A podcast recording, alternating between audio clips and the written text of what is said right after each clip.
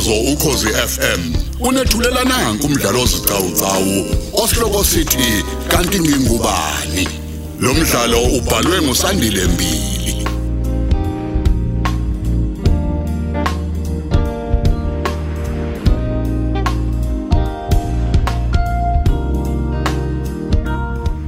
Lesi isiqephu sokuqala.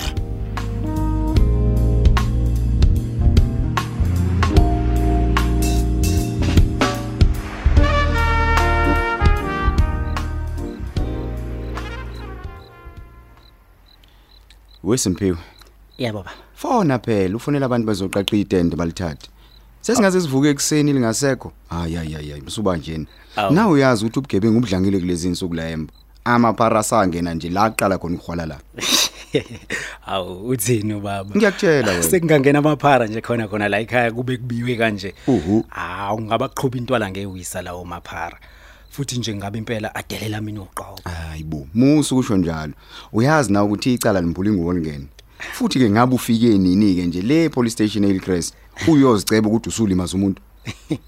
Uthini baba? Kungafona bona phela labantu akade bekhona emgcwabeni kaBaba. Ngoba phela bangabe bebone yonke into le. Hayi, ngizwa kahle ndodana. Kodwa ke hey, ngiqinisile fona ngempela ubeza ukuthi bathi bazolilanda nini leli tende labo nezihlalo. Mm.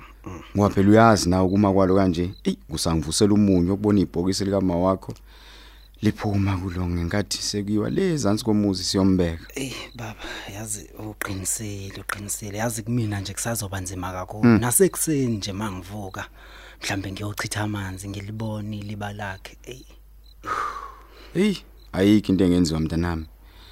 Kuyacaca ukuthi umveli nqangi nabadala bese bevumela ukuthi umachiliza asishiye emhlabeni. ey kona yacacile impela kunjalo baba haw kodwa baba mina okungijabulisayo nje ukuthi sizame konke sikwenze konke okusemandleni ukuthi umama sizakale njengoba kade ekhula nje Hayi kona kukho esingakwenzanga ndodana. Kwaphela umdlavuza ubusumbambe kakhulu. Eh. Okubi nje kakhulu ukuthi saphuza ukuthi siwuthole kanti naye ke wayesalokela leli ziyalo zabantu bemyalela lapha nalapha engakayi kohlola kudokotela ukuze phela bathole imbangelo yokugula kwakhe. Ey ey Fona ke mfana, ufonela abantu betende. oh Yeah, uma uqeda kanjalo uncance phela abangani bakho labo omaqhinga baqoqise zonke ihlalo lezi ebeyihlela abantu abebemba. Nazo bayifaka etendeni. oh hayi yebo baba Kulungileke.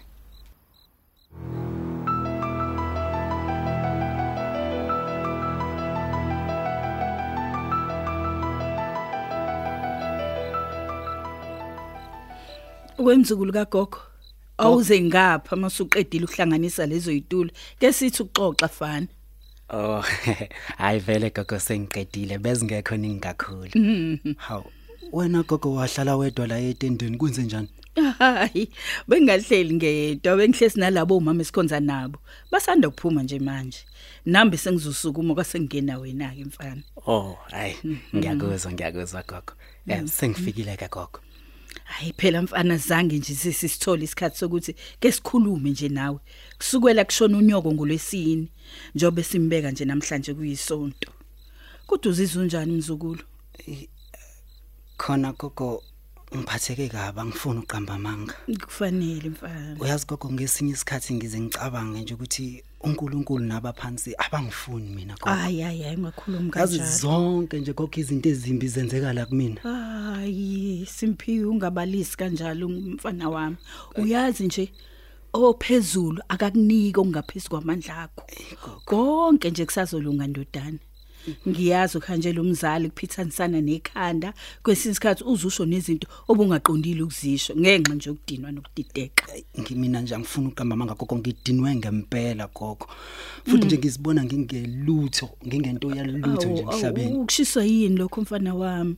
gogo yabona nje njengoba ngisho ukuthi into zama zingihambeli kahle Mhm. Buka nje gogo angisebenzi Oh, Nkosi yami. ngizama ngawo wonke amandla ukufuna umsebenzi kodwa angiwutholi Awushwele. Awu. yabona makwenzeka gogo ngi- ngiwuthola mhlawumbe umsebenzi ngizitholela nje ubhedayo futhi osheshayo nokuphela eminyakeni edlule gogo uyakwazi nawe lokho ukuthi intombazane engangithandana nayo yakhipha isisu Awu. yakhipha ingane yami gogo ngithi ngiyazama gogo ukuqhubeka nokufunda ke ngivele ngiswele imali Awu phephisa mfana wami. abantu engikhuluma nabo mhlambe ngizama amathuba angcono phezulu abantu abasemagunyeni bayangithembisa gogo kodwa kuphele kanjalo nje gogo. Ingakho ngithi ayi mina eh, nginebhadi gogo. Konke nje Ayi, okubi ayi, kuyangilandela mina. Hayi mfana kagogo eh musa nje ukuyigxeka kanje musa ukuyigxeka. Wena qhubeka nje uthandaze kumdala unamandla ngeke akwenzele phansi. Uzokuphendula. Nini gogo? Hayi Gogo, uzongiphendula- ungabalisi Ey, gogo. maduze mzukulu ngizokukhulekela nami mina ukukhuluma iqiniso nje angisayiboni le ndaba gogo angiboni nje nokuthi mina ngiyoke ngilungelwe uthoke nje empilweni yami sengibonga khona nje ukuthi ubaba wangitshela ngolwesine ngenkathi umama esanda kushona ukuthi akuzushintsha lutho ngisazoqhubeka ngibe ingane yakhe Mm, Nkosiyami, akabonga uphezulu umzukulu. Uyazi bengikhathazekile ngalokho. Ngoba phela nakho nami ngiyayikulela nje futhi ngigugile, ngihlalele ekhaya labadala nasekhaya uvusimuzi. Umalume wakho usaphendula umuzi wami omukume nje wabaphangi. Ayi ayi uyabonje lo mfana. Ayi bengicabanga nje ukuthi mangathi undlovu uyakukhipha. Kwakhe kodwa mfana wami uyoshonaphi? kodwa gogo ubengeke angikhiphe phela ubaba mina wangamukela ngimncane nje ngineyinsuku ngizelwe kwazalwa uhappy ke emva kwami engangimshiya ngeminyaka emihlanu naye futhi nje owabuye wabulawa isifo senhliziyo eneminyaka njengo15 Oh, kuphela Ngiyazi mfana wami. naye uhappy loyo wayazi ukuthi ngingumfowabo nje futhi lokhu kwangempela Mm, mm, mm. Hey, sebenzile wathola indoda emadodeni la kuNdlovu. Hayi, phela kwandile ukuthi amadoda amukele ingane efika namakhosikazi emshadweni. Ey. Hayi into engandile ibanje leyo. uqinisile gogo Kangakanani ke leyo ngane uma ngiyona ngisho ekankosikazi lo wayo, kodwa kungenye nje yodadwa wankosikazi wayo ungasekho. hayi Ayi. yena yena impela ubaba uyindoda emadodeni kuningi nami futhi engikufundile kuyena Hayi, qiniso nengisakufunda lelo, nje namanje ngiyafisa futhi nami ukufana naye ngelinye ilanga Hey, ukhulise kahle kodwa mzukulu. Na kanjani wena uzonyathela ezinyathelweni zikayihlo njengokufisa kwakho. Phela nje wena akufanele ucabangane nezinto engathi shu. Wena nje kumele ubhekane nekusasa lakho. Ukhohle yona yonke lento esho ukuthi unamabhadi uyayibona leyo nto. ngiyakuzwa ngiyakuzwa gogo ngiyakuzwa Uyabona nje simphiwe. Wena uyisipho engasiphiwe indodakazi yami udeliwe njoba ashona uzelwe nje. Kanti futhi uphinde ube yisipho kusebenzile indodakazi yami endala benomnyeni wayo uNdlovu njengoba bekuthatha bakukhulisa. Kumele ukwazi lokho mzukulu. ngiyakuzwa gogo ngizwa kahle Hayi angihambeke nami ngiyolunga mfana wami ukuze ubaba wakho ezungihambisa ekhala abadala. Kade bengafika la ekhaya. hawu gogo njengoba nje u- ufika nje ufike ngolwesihlanu phela la gogo Ehni, side leso sikhathi.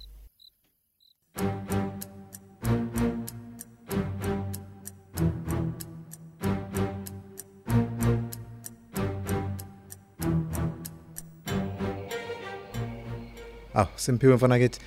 Kade ngikubheka la. Ugogo wakho ugcine kutholile kodwa. Phela kade ethi angikubhekele wena ngenkathi ethi asingenise izitulo etendeni. oh ya ya ya kade nginaye nje la etendeni hlala lapho mfowethu kulesa studio Mfethu. Eh manje awusho ke mfana kithi. Ah, sivuke lapha ekusasa ukuyofesa njengoba kumsombuluko nje. eh ah, maqhinga bra wami Aha. Hayi mina ngibona ukuthi kusasa khona la ngivukela khona Oh, yibundoda. yabona njengoba ngikhuluma nawe nje ama CV ami agcwele zonke izitolo zala eHillcrest nase Waterfall mfethu sime esangweni each and every day sebesazi ngisho ukusazi mina ngibona kungcono nje mfethu ukuthi sivele sifax sikhona la emakhaya ngeemail Ey, ndoda. Eh, Bra wami. Kona ngiyakuzwa nje ukuthi sizofesa ngeemail. Ey, kodwa mina ngibona kuhle nje ukuthi sivuke ekseni sishone ngakhona futhi sikhulume nanabantu lendleleni. Mhlawumbe singathuka sesizwa nje ngomunye ethi mhlawumbe kuyaqashwa la asebenza khona. Ngeke uzwazi mfethu. usho nje mfethu Ngoba khona kodwa mfana kithi konke engiyithandayo ngathi ukuthi asikhethi imisebenzi. Sithatha kwasana uqhamukayo. hey uqinisile mfethu kona um- imisebenzi thina sikhethi Mfethu. mina amaqhinga mfethu sengiyaqala nokuyikholwa nje manje lento engangiyitshelwa yilesasa ngoma ekuthiwa uMarco Sidubula Aha. Yabo ngesikhathi sihlangana naye nje lapha eHillcrest ayingeke mfethu ngathi wayeqinisile mfethu Ey, uyabona lo baba bra wami. Hayi, angifuni ukukukhohlisa lapho yasebenza. Kanti kanti wena wagcina ungayanga ngani kanti kuyena?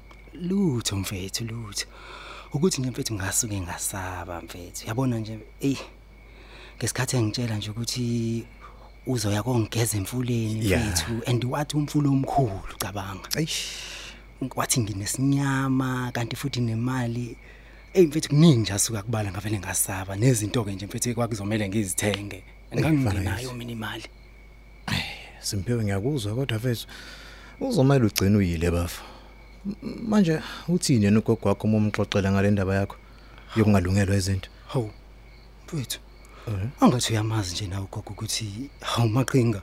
Ugogo umuntu wokholo mfethu yabona nje mfethu iseluleka nginika sona esokuthi nje angikhuleke naye uzongikhulekisa yonke into nje ethinta ugogo phakathi umkhuleko Eish, yazi mina ngeke ngibuze nje mfethu ukuthi wena ngempela ngempela kwenze kanjani ukuthi uzuzohlala kwaNdlovu ubize nesibongo sakwaNdlovu ekubeni ungazalwa nawe yena. Ungasali ngani mfethu uhlala uhlale nogogo nje. Ngoba phela wena uyingane kagogo njengoba wazalelwa ekhaya nje. ya phela bafo umalo wena obuwazi ukuthi uma wami Eh. naye bekungasiyena uma wami mfethu Hayibo ndoda. mina ngizalwa ngudade wabo kamalo owashona nginensuku nje ezintathu ngizelwe Uthini manje kumina? ngiyakutshela mfethu Hayibo. nakhona mfethu bra wami washona engozini yemoto bebuya ukophuza Eish, fana kithi. mina ke ngaleso sikhathi wayengishiye lapha ekhaya kugogo nosisi wakhe lo okuma wami uma yena wayezoshada noNdlovu ngesonto elilandelayo kanti ugogo wayevele ke segula ngaleso sikhathi Ya, ya, ya. Kanti indaba yakho mfethu ijule kanje. hey mfethu ijule kakhulu Eish. manje ke kwasekuthiwa ke uma Yeah. akangithathe benondlovu bangikhulise bona ngoba impilo kagogo yayingeyinhle kanti ke nomalume uyilento nje ayiyona ngafika kanjalo ke mina kaNdlovu ubaba uNdlovu lo wangibiza ngesibongo sakhe emva kokuba eshade nomama wami lo ekuyena njengamanje Yeah, no, ayazwakala mfethu. Manje pho le yesibongo fana kithi abacabanga ukuthi ngase kunika inkinga nje mhlambe ngelinye ilanga. awu mfethu nawe uyamazi ugogo mfethu ukuthi izinto vele azithathe nje mfethu ngeyikhanda lakhe nje leli lasesontweni Eh, ya, nokungakholelwa ke nje emadlozini wabona kuyinto enhle ukuthi ngivele ngibize uNdlovu abe sibongo sami hayi lesisako malume Ayish. kushuthi nobaba ke nje ngoba wayesagajwe uthando ingakho ke nje aze angibiza ngesibongo sakhe Ya, ayi ilikhuni ke fana kithi le ndaba yakho. Kodwa uyazi bafo unga- ungangizwa kabi ne.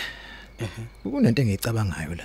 hawu i- yini leyo manje A- a- Awucabanga ukuthi mhlambe ngenzeka ukuthi uba ngabantu abadala ngasohlangothini la kubuka mama wakho nabakababa wakho nabo futhi laba bakwaNdlovu. hawu u- u- usho kanje maqhinga bro wami Njengoba ngisho nje ndoda. Ingakho ngithi mina kumele uye nje kubaba uDobula ukuze ezokuhlolela mfana ngithi akusize mayikwazi.